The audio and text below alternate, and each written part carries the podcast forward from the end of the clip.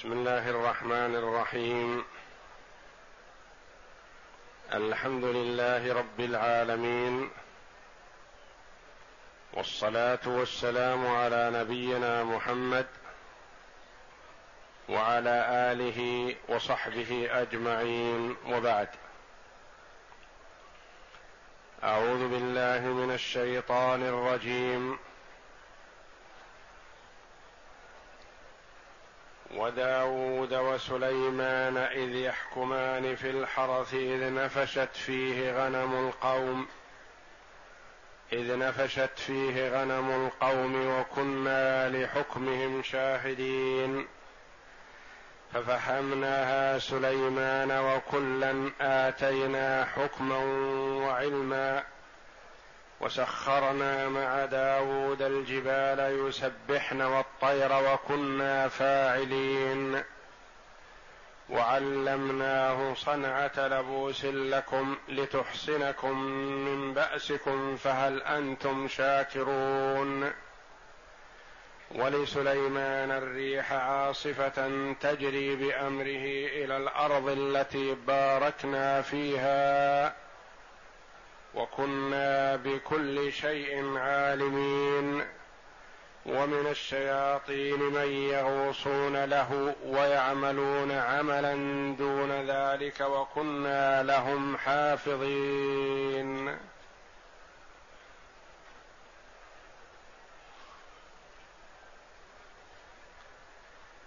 في هذه الآيات الكريمة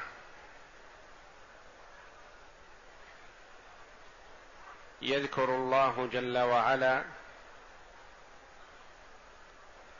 داوود وسليمان.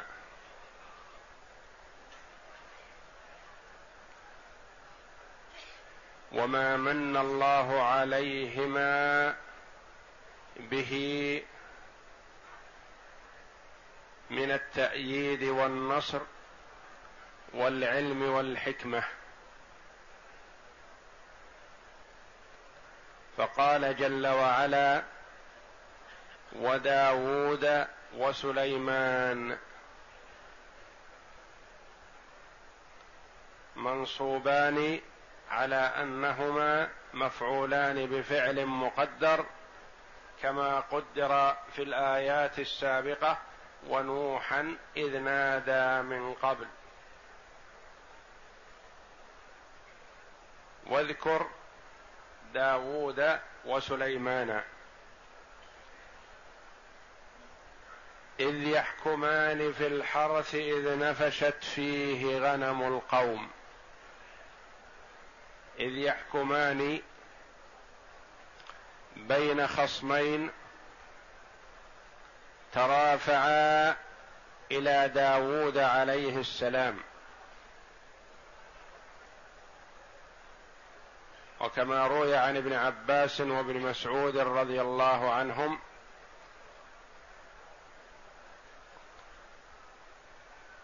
أن أحد المترافعين صاحب حرث وكان هذا الحرث كرما أي عنبا قد تدلت عناقيده أو زرعا. وكان لأحدهما غنم شياه.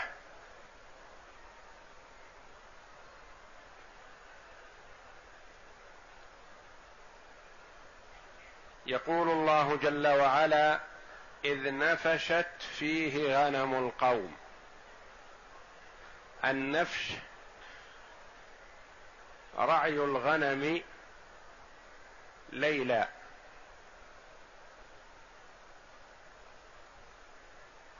أو رعي الدواب مطلقا الغنم أو الإبل أو غيرها. إذا كان ليلا فيسمى نفش وإن كان نهارا فيسمى همل.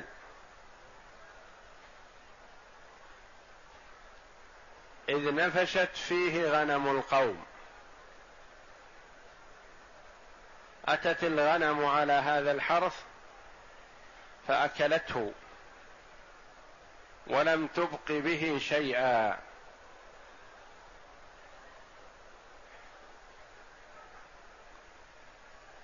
فلما ترافع الخصمان إلى داوود عليه السلام قال صاحب الحرث إن غنم هذا رعت حرثي فأكلته ولم تبق منه شيئا. فحكم داود عليه السلام بالغنم لصاحب الحرث. فعرض سليمان عليه السلام وهو ابن داود فقال أو غير هذا يا نبي الله؟ قال كيف؟ قال تدفع الغنم لصاحب الحرث فيصيب من درها ونسلها وينتفع بذلك ويدفع الحرث لصاحب الغنم فيقوم عليه حتى إذا كان مثل ليلة رعته الغنم دفعت الغنم لصاحبها واستلم صاحب الحرث حرثه. فوافق عليه داود عليه السلام وحكم بهذا. فنأخذ من هذا فوائد عظيمة.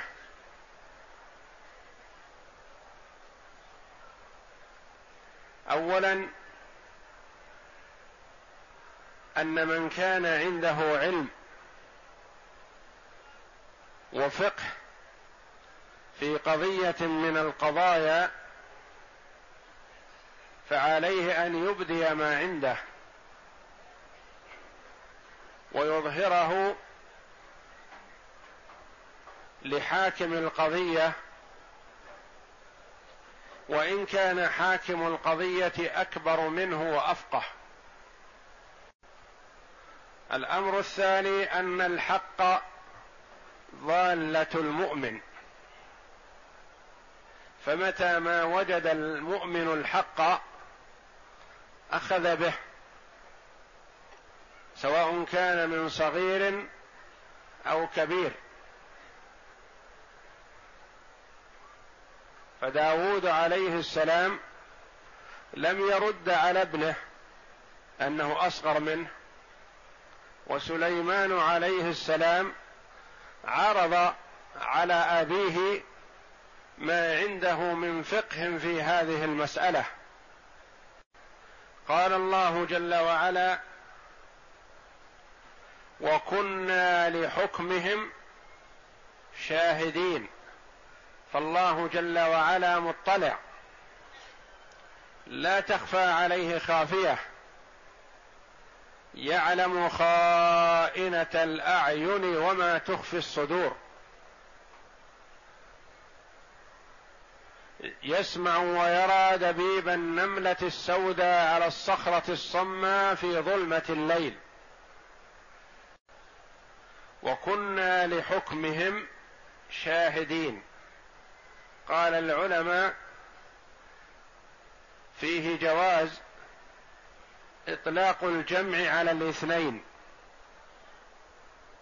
وذلك أن الحكمين هما داود وسليمان. وقال لحكمهم وقيل المراد لحكمهم أي المجموعة الحكمان والمحكوم عليهما والمحكوم لحقهما أحدهما محكوم له والآخر محكوم عليه فالحكم ينسب إلى الأربعة إلى المتقاضيين وإلى الحاكمين.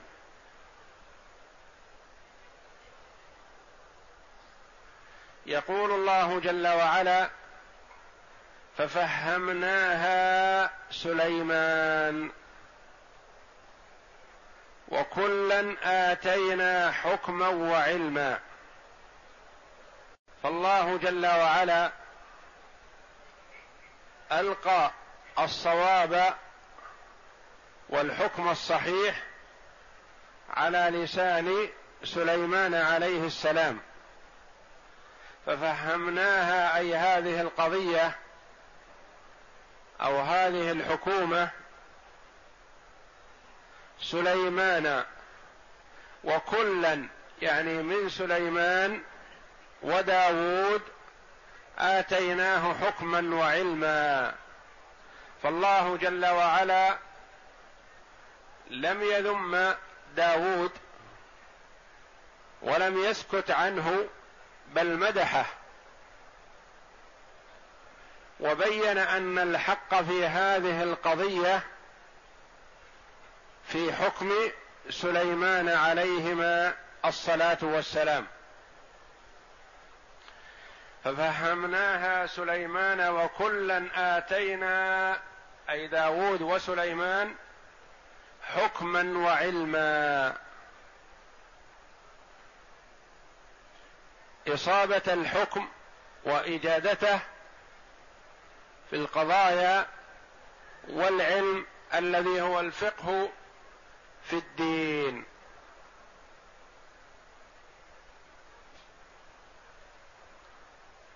أخذ العلماء رحمهم الله من هذه الآية ففهمناها سليمان وكلا آتينا حكما وعلما. أن الأنبياء عليهم الصلاة والسلام لهم الاجتهاد في المسائل التي تعرض عليهم ولم ينزل عليهم فيها وحي.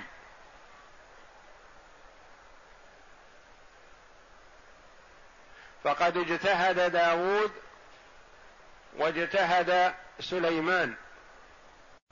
وأن الله جل وعلا أثنى على داود وأثنى على سليمان في أن المجتهد إذا اجتهد فأخطأ فلا يلام.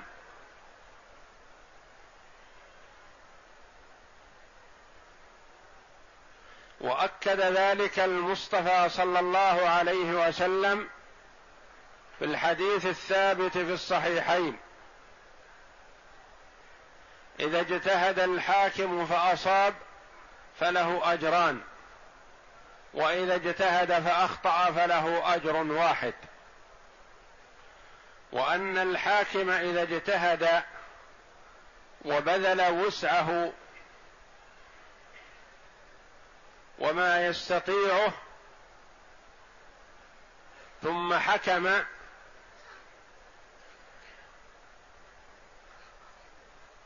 فلو أخطأ في هذه الحال فإنه لا يلام. وله أجر على اجتهاده. ولا يلام خطأ على خطئه إذا كان مؤهلا لذلك مؤهلا للحكم ولديه القدرة والاستعداد. لما عين إياس بن معاوية رحمه الله في القضاء أتاه الحسن البصري رحمه الله يزوره.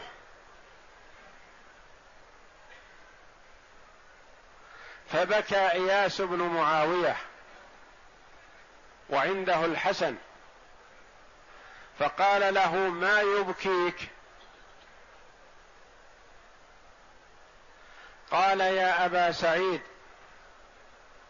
بلغني أن القضاة رجل اجتهد فأخطأ فهو في النار. ورجل مال به الهوى فهو في النار. ورجل اجتهد فأصاب فهو في الجنة. فقال الحسن البصري رحمه الله إن فيما قص الله من نبأ داود وسليمان عليهما السلام والأنبياء حكما يرد قول هؤلاء قول هؤلاء الناس عن قولهم.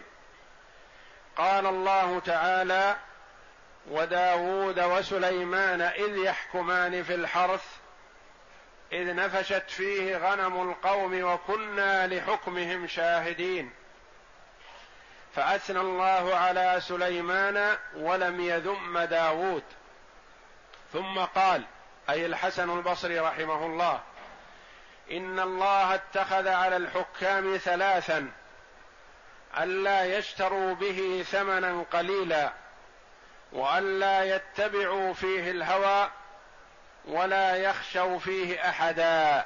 هذه الأمور الثلاثة. واستدل رحمه الله على قوله ثم تلا يا داود إنا جعلناك خليفة في الأرض فاحكم بين الناس بالحق ولا تتبع الهوى فيضلك عن سبيل الله. وقال فلا تخشوا الناس واخشوني. وقال ولا تشتروا بآياتي ثمنا قليلا. وقد ورد من قضايا سليم من قضايا داوود عليه السلام التي اعترضه فيها ابنه سليمان عليهما الصلاة والسلام. هذه القضية وقضية أخرى رواها الإمام أحمد رحمه الله في مسنده عن أبي هريرة رضي الله عنه قال قال رسول الله صلى الله عليه وسلم بينما امرأتان معهما ابنان لهما إذ جاء الذئب فأخذ أحد الابنين فتحاكمتا إلى داود لكل واحدة تقول الباقي هو ابني والمأخوذ هو ابنك. فتحاكما إلى فتحاكمتا إلى داود فقضى به للكبرى. فخرجتا فدعاهما سليمان فقال هاتوا السكين أشقه بينكما. يريد عليه الصلاة والسلام ليتفرس وليعرف حالهما حقيقة. وإلا فإنه لا يريد ذلك. هاتوا السكين أشقه بينكما. فقالت الصغرى يرحمك الله هو ابنها لا تشقه. فقضى به لمن؟ هي قالت ليس لها هو للكبرى. فقضى به للصغرى الذي تبرأت منه حينما أريد شقه تبرأت منه تنازلت عن حقها. فعرف عليه الصلاة والسلام أنه ابنها حقيقة لأنها رحمته ولطفت به عن الشق بينهما.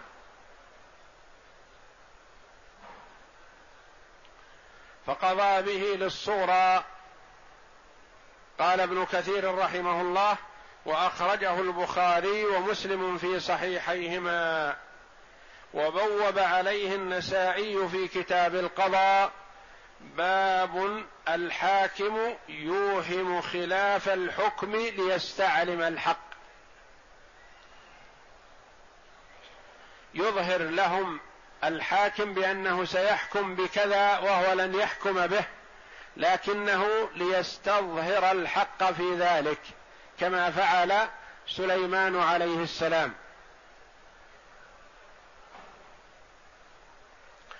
وكذا قصة أخرى أوردها الحافظ أبو القاسم بن عساكر في ترجمة سليمان عليه السلام قال إن هناك امرأة حسنا في زمان بني إسرائيل راودها عن نفسها أربعة من رؤسائهم فامتنعت على كل منهم. فاتفقوا فيما بينهم عليها فشهدوا عند داود عليه السلام أنها مكنت من نفسها كلبا لها قد عودته ذلك منها فأمر داود عليه السلام برجمها لما شهد أربعة. فلما كانت عشية ذلك يعني عشية رجمها جلس سليمان واجتمع معه ولدان مثله شباب. فانتصب حاكما يعني جعل نفسه كأنه حاكم وتزيى أربعة منهم بزي أولئك وآخر بزي المرأة. صوره صوره حكومة. وشهد علي وشهدوا عليها بأنها مكنت من نفسها كلبا.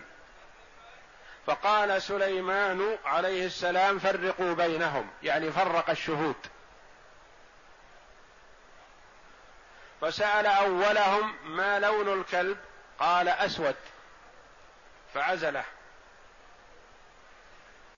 واستدعى الآخر فسأله عن لونه فقال أحمر.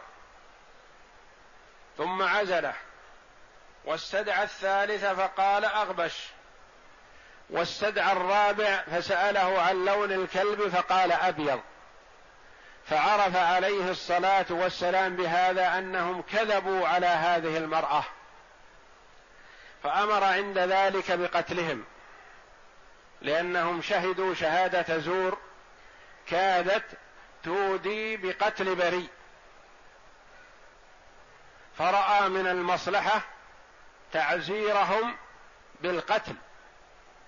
وللحاكم إذا اجتهد ورأى أن التعزير البليغ فيه مصلحة للأمة بأن يعزر بالقتل فأمر بقتل هؤلاء الأربعة والمسألة كلها عند سليمان صورية عليه الصلاة والسلام.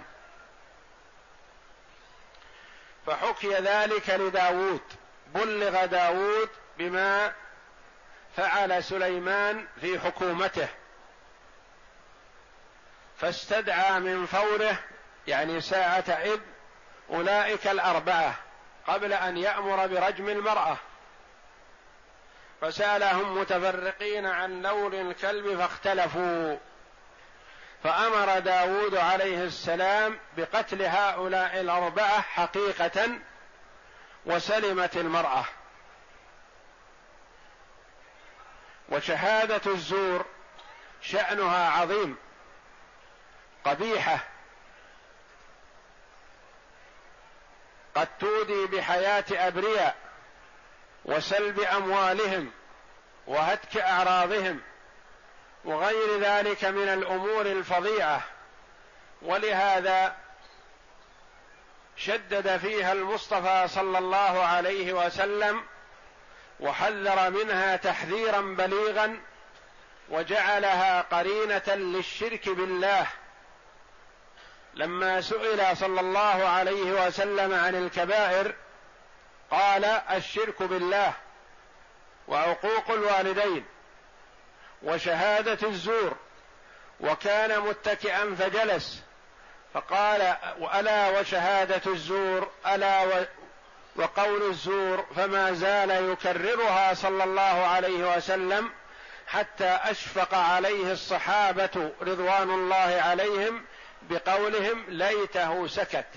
تمنوا أن يسكت شفقة عليه صلى الله عليه وسلم من التعب الذي ناله بتكرير التحذير من شهادة الزور وقول الزور.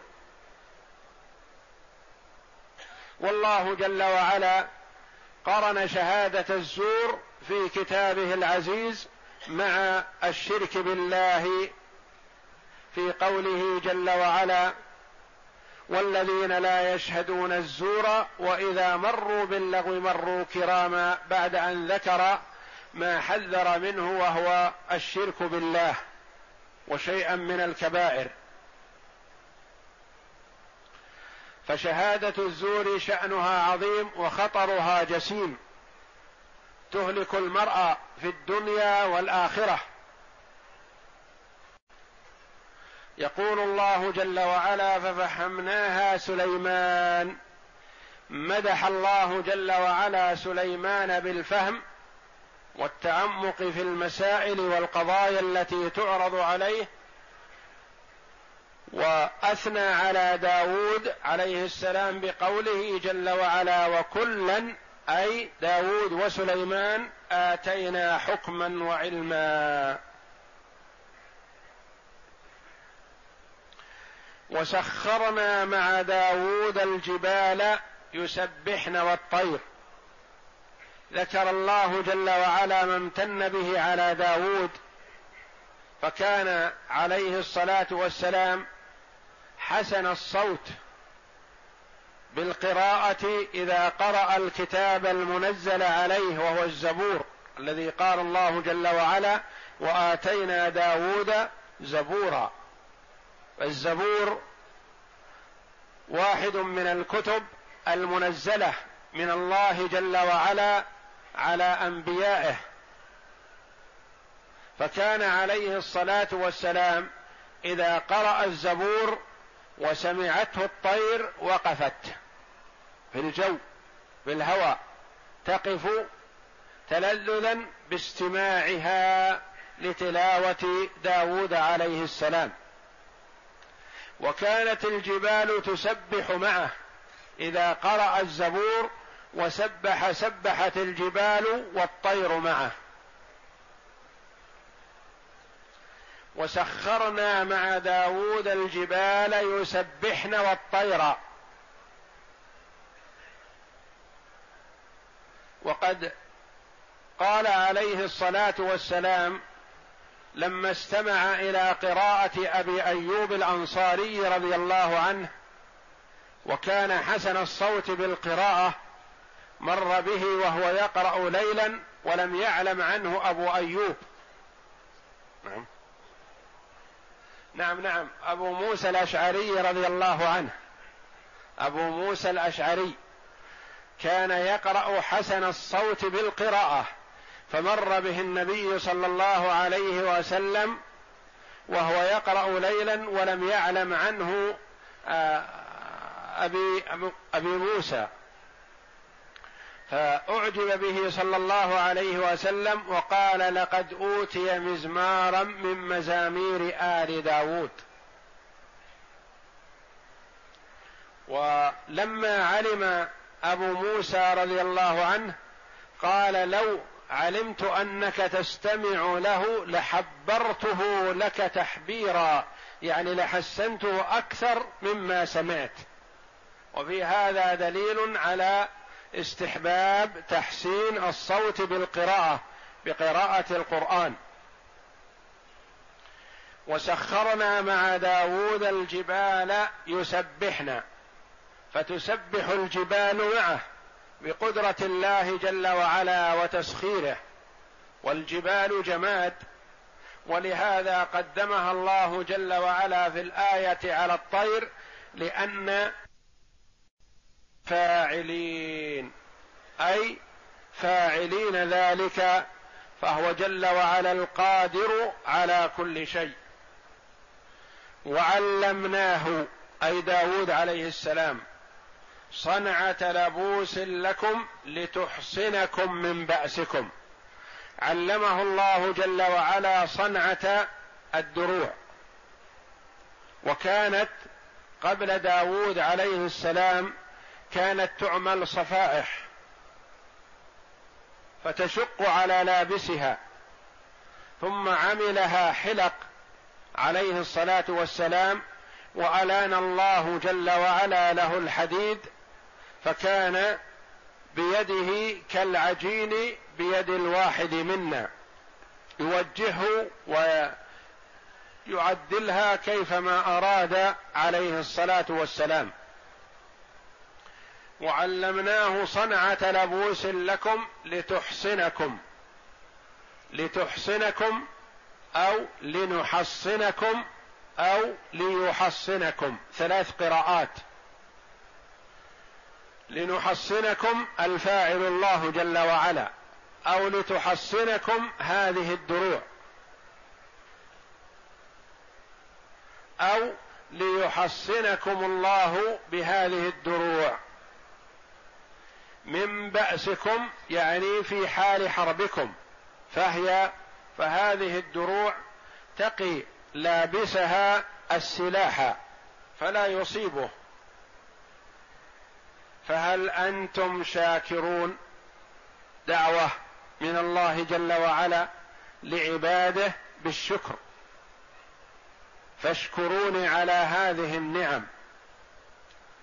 وقال جل وعلا ولسليمان الريح عاصفة تجري بأمره إلى الأرض التي باركنا فيها.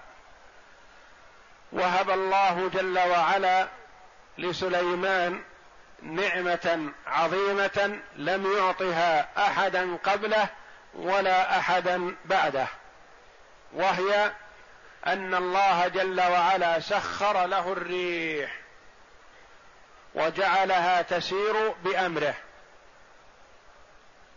فكان له بساط من خشب عظيم يجتمع فيه الأمم والخلق العظيم. من آدميين وجن وطيور وإبل وبقر وغيرها من الحيوانات. تجتمع في هذا البساط العظيم ثم يأمر سليمان الريح فتأتي من تحت هذا البساط وتحمله وتتوجه به وعليه ما عليه من سليمان ومن معه تتوجه به إلى حيث أراد سليمان هو يوجهها بقدرة الله جل وعلا. ولسليمان الريح عاصفة. عاصفة أي تسير بسرعة. كما قال الله جل وعلا في الآية الأخرى غدوها شهر ورواحها شهر. مسيرها في الغدو بمقدار ما تسير به الإبل شهرا كاملا. ورواحها كذلك. عاصفة تجري بأمره إلى الأرض التي باركنا فيها التي هي أرض أرض الشام.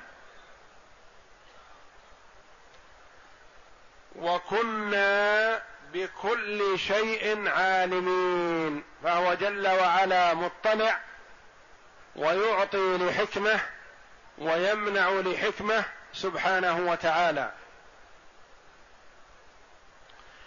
ومن الشياطين من يغوصون له ويعملون عملا دون ذلك وكنا لهم حافظين.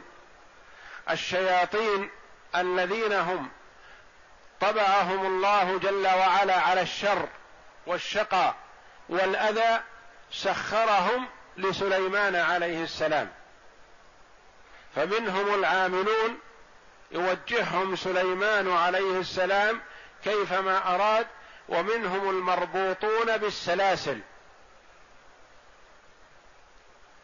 من يغو ومن الشياطين من يغوصون له يغوصون له في قعر البحار ويخرجون اللآلئ من البحار لسليمان عليه السلام.